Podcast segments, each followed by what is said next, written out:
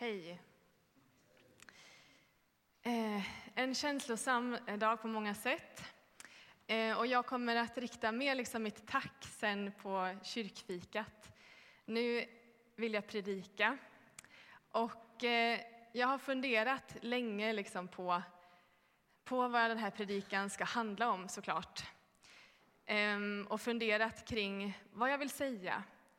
Men det kom ganska snabbt upp för mig vilket tema som jag ville ha på den här eh, predikan.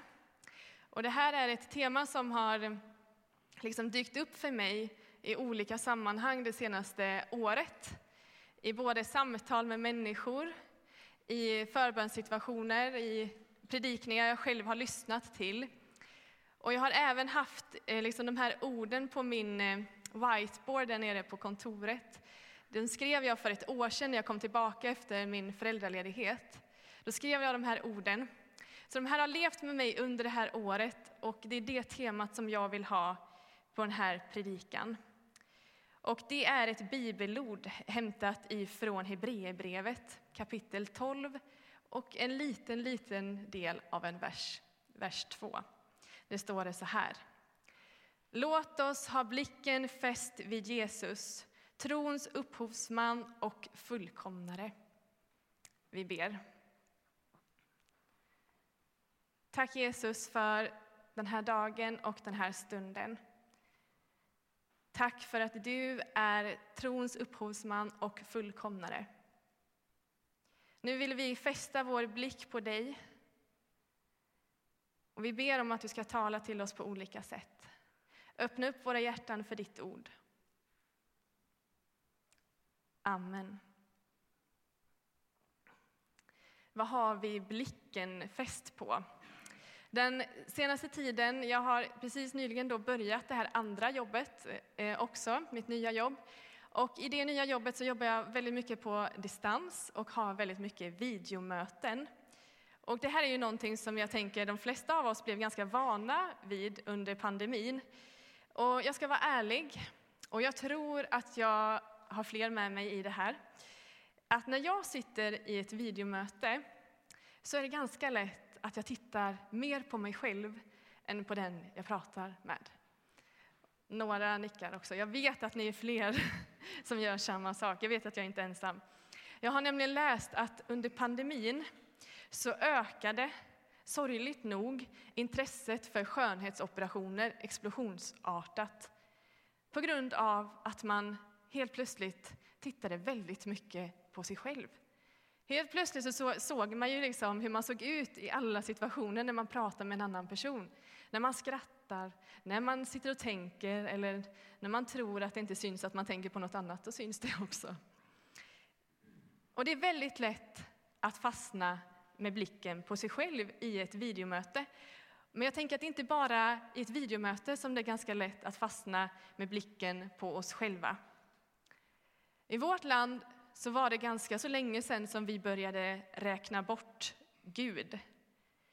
Och jag tror inte att det är en slump att vi är också i toppen av de, liksom, när man eh, gör undersökning på um, individualism och självförverkligande, då ligger vårt land högst upp i toppen på de länder där det är mest individuella och eh, där vi jobbar mest liksom, på vårt egna självförverkligande. Och jag tänker att det där hör ihop det där med att vi har liksom för länge sedan räknat bort Gud och att vi är väldigt individualistiska och tänker ganska mycket på oss själva. Jag tror att det hör ihop. När vi inte har vår blick på Jesus så hamnar den på någonting annat. Och det den hamnar på måste liksom inte i sig själv vara dåligt, men det kan skapa en känsla av vilsenhet hos oss. Och I veckan så läste jag en uppsats kring existentiell hälsa. Det är ju mycket det som mitt nya arbete handlar om. Och I den här uppsatsen så det, var det flera psykologer som strök under att människans avvisande av religion har bidragit till ett andligt bristtillstånd. Och där människan liksom oavsiktligt drivit sig själv bort från andligheten och placerat sig själv i tillvarons centrum. Alltså när vi i de mest sekulariserade länderna börjar tänka att vi behöver, eller när vi börjar tänka att vi behöver inte Gud. Vi behöver ingen religion. Vi har vårt förnuft, vi har vårt förstånd, oss själva att hålla fast vid. När vi började tänka att det finns ingen fyr att blicka mot, att rikta in sitt liv emot, utanför oss själva. Inget liksom ramverk att förhålla oss till. Då hamnar vi automatiskt själva i centrum och blicken fästa på oss själva. Men det sorgliga med det är att man också kan se i forskning att det har skapat ett tomrum hos människor. Det har försvårat människans möjlighet att finna mening i tillvaron. Det gör att vi har tappat en helhetsbild av världen, av tillvaron som tron ger. Det försvårar för oss att sätta oss in i ett större sammanhang, ett större sammanhang än oss själva. Tänker vi att det inte finns någonting större utanför oss själva, ingen större mening, inget att navigera våra liv efter, ingen större orsak, ingen större framtidshopp, då blir det väldigt mycket som hänger på våra egna axlar. Och vi kan lätt känna oss ganska utelämnade, ensamma, ibland meningslösa och vilsna. Men vi är inte den första generationen av människor som fastnat med blicken. Även under Jesu tid så hade man fasta, fastnat med blicken på någonting, nämligen på lagen. Och fariseerna, en gren av judendomen, var som besatta av att följa lagen till punkt och pricka. Och det var deras sätt att liksom hålla sig rena för att kunna vara ett Guds folk. Och detta folk, precis som alla andra judar på den tiden, de längtade och väntade efter Messias. Men de stirrade sig så blinda på lagen att när Jesus kom så förstod de inte vem han var. De förstod inte att han var Messias. De tänkte att Jesus var någon som kom och motarbetade lagen. Någon som påstod kunna liksom förlåta synder. Men de visste ju att det kan ju bara Gud göra. Och för att Gud ska förlåta så måste man ju följa lagen och vara ren. Och vi kan se detta tydligt i dialogen mellan Jesus och fariseerna, den här eh, spänningen dem emellan. Det kan man se liksom genom hela evangeliet. Och vid ett tillfälle så plockar Jesu lärjungar ax på sabbaten. På sabbaten skulle man vila enligt lagen. Man skulle i princip inte ens lyfta ett finger.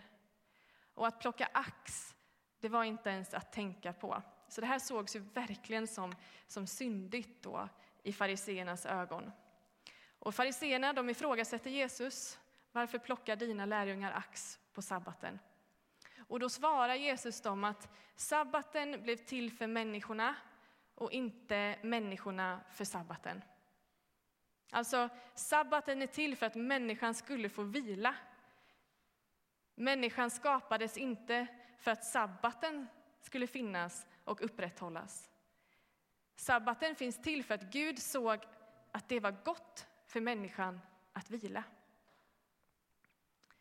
Samma gäller för tron. Tron finns till för människan som en gåva. Inte som någonting som vi behöver upprätthålla för att få vara Guds barn. Tron skapades inte heller för att människan var rastlös och behövde någonting att hålla fast sin blick på. Utan det står att Jesus är trons upphovsman och fullkomnare, inte att människan är det. Vi har inte ett tomrum i våra hjärtan som, behöver, som vi behöver hitta på saker för att fylla. Det finns där för att det tillhör någon. Och ju mer vi tror att vi kan fylla det där tomrummet med oss själva, desto vilsnare kommer det få oss att känna. Och ju mer vi tror att vi själva ska upprätthålla tron, desto tröttare kommer det få oss att känna. För Jesus är trons upphovsman och fullkomnare. Han är början och han är slutet. Och därför är jag så lycklig när jag tänker på alla läger, all verksamhet, söndags, scout, barnkör, after eight, tweenies, gudstjänster. All vår verksamhet där vi ger chansen för barn och unga, för alla människor att lära känna eh, Jesus. Där vi ger chansen att lyfta blicken. Där vi inte bara ger dem en fin kväll eller ett härligt läger, utan där vi också får presentera en Gud som kan fylla deras tomrum. En Gud som kan sätta oss i ett större sammanhang än bara oss själva. Och I somras så fick jag förmånen att vara med på ett av våra stora läger här i trakten som heter Explore. Det var ungefär 360 ungdomar och ledare samlade under en vecka. Och under sista kvällen på lägret så, så har vi en andakt som vi har haft alla andra kvällar också. Men till skillnad från de andra kvällarna så hände någonting i slutet på den här andakten. När vi tror att liksom, nu är det slut snart, och många hade redan lämnat tältet, då är det som att så här, det bara ger en total vändning. Jag var förebedjare och stod inne i förbönstältet som var bredvid. Vi började märka inne i förbönstältet att det är inga fler som kommer ut hit till förbön. Så vi börjar gå in i tältet och det vi ser då där inne, ja, det är en syn som jag sent kommer att glömma. För det var ungdomar som var i total tillbedjan. Och ungdomar hade kommit tillbaka, som liksom gått och käkat en kvällsmacka. De förstod att det hände någonting i tältet. Hur de förstod det, jag tror att det var den helige Ande. Men helt plötsligt så, så var tältet fullt igen av ungdomar. Och man kan liksom så skratta åt det efteråt, för det, var, det, är liksom, det är så svårt att beskriva. Men folk stod och sjöng ramsor till Jesus. Det var så dans, det var upplyfta händer. Och det var en frihet som jag sällan tidigare har varit med om. Och det som hände i det rummet, i den här stunden, det var att ungdomarna hade sin blick på Jesus. Och i det så vände de också sin blick mot varandra. För det var så tydligt där och då. Det var som att helt plötsligt så, så såg vi på varandra som att vi inte hade setts på flera, flera år, även om vi hade firat ett, eller varit i ett helt läger tillsammans. Så när vi såg på varandra så var det som bara, men där är ju du! Och människor kramades. Och så såg jag hur ungdomarna liksom sa till varandra att Gud älskar dig. Det här var någonting som, ja, men som sagt, jag sällan fått vara med om innan. Och det var kanske stora ord att säga, men för mig, och jag tror på att det var sant, det var en försmak av himmelriket. När vi lyfter vår blick från oss själva och till Gud så händer det någonting med oss. Inte för att vi presterar. Det var så tydligt på lägret också. Det var ingen som presterade fram det här, utan det är för att Gud verkar.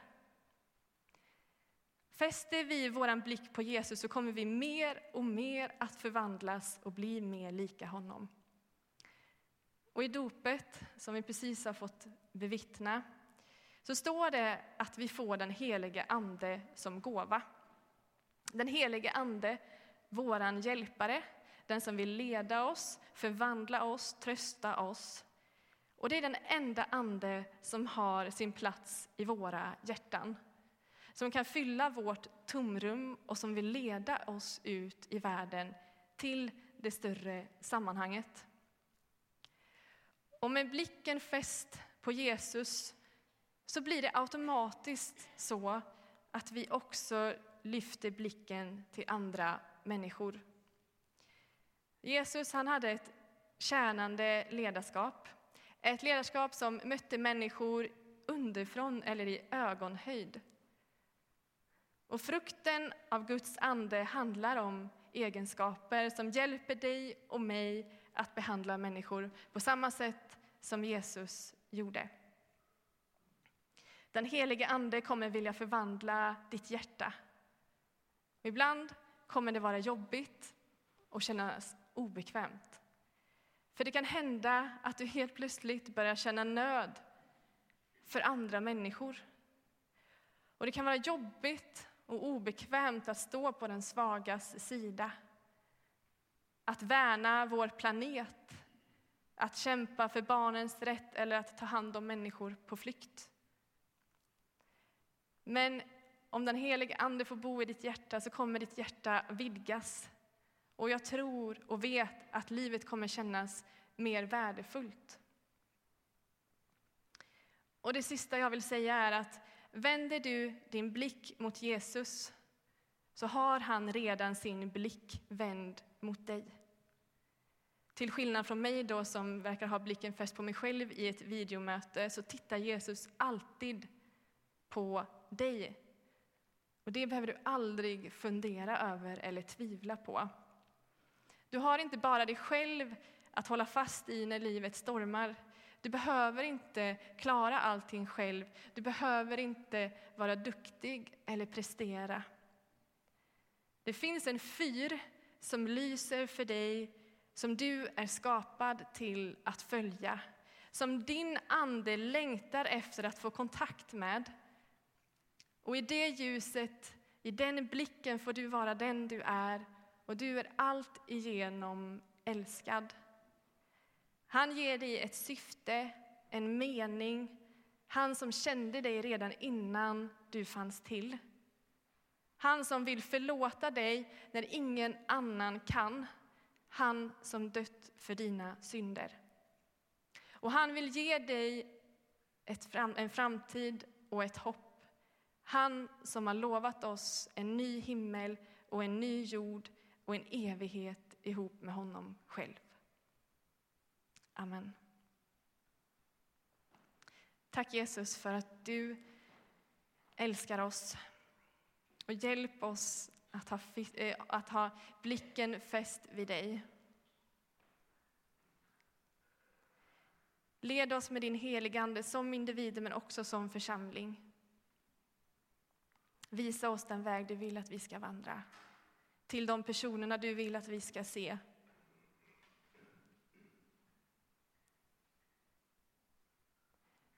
Jag ber om att i de människors liv som känns, det känns liksom inte som att jag ser den där fyren. Jag, det var länge sedan jag såg den där fyren.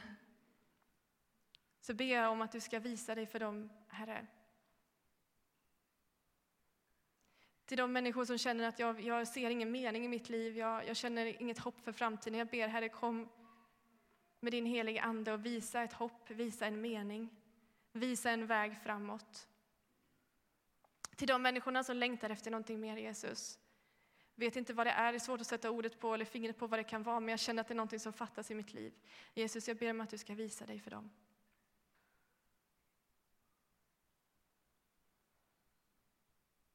I Jesu namn. Amen.